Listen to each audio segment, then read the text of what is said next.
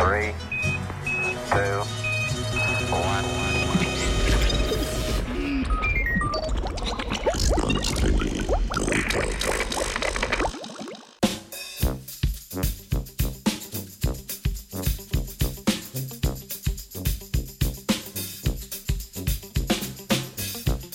Ekstremne temperaturne razmere v mitohondriju.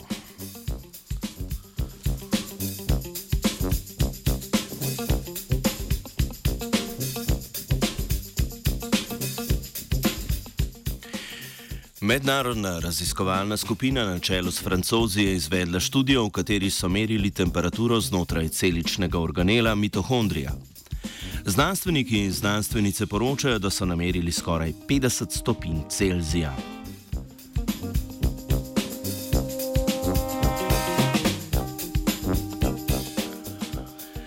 Mitohondrij je pomemben sestavni del celice. V notranjosti tega organela se namreč nahajajo različni proteinski kompleksi, ki jih s skupnim imenom imenujemo dihalna veriga.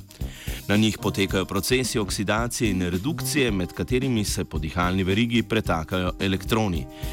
Pri tem nastaja molekula ATP, ki celici daje energijo za celične procese.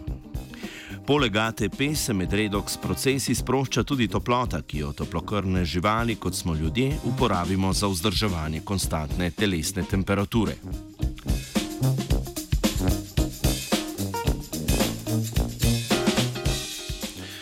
Študija je bila zasnovana tako, da so s pomočjo temperaturno odvisne fluorescentne spojine merili stopinje znotraj mitohondrija. Fluorescentna spojina, ki za celice zarodnih in kožnih celic ni bila toksična, se je najbrž ugradila v notranjo membrano mitohondrija. Če so bile celice izpostavljene višji koncentraciji kisika, ki ga je mitohondrij porabil za procese v dihalni verigi in tvorbo toplote, je fluorescenca upadla.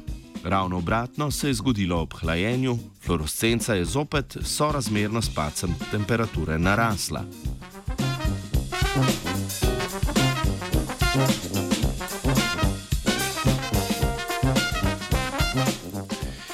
Izkazalo se je, da na fluorescenco spojine ne vplivajo drugi dejavniki, kot sta membranski potencial ali pH. Prisotnost cianida ali pa denimo oligomicina, ki vplivata na omenjena dejavnika, namreč ni privedla do zmanjšanja fluorescence.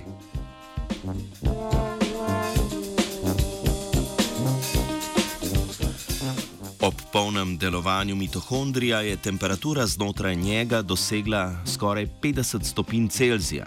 To je 10 stopinj več od temperature okolice, ki je dosegla le telesu prijaznih 38 stopinj Celzija.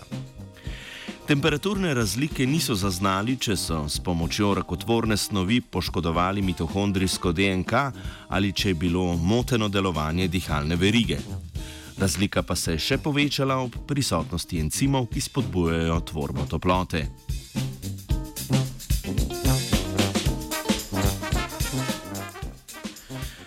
Določenih encimov torej ne motijo više temperature, vprašanje pa je, kako so se na vroče razmere prilagodili proteini dihalne verige. Raziskovalke in raziskovalci ugibajo, da dihalno verigo morda stabilizirajo in se tako posredno zaščitijo pred toploto maščobne komponente, katerih vloga še ni dobro raziskana.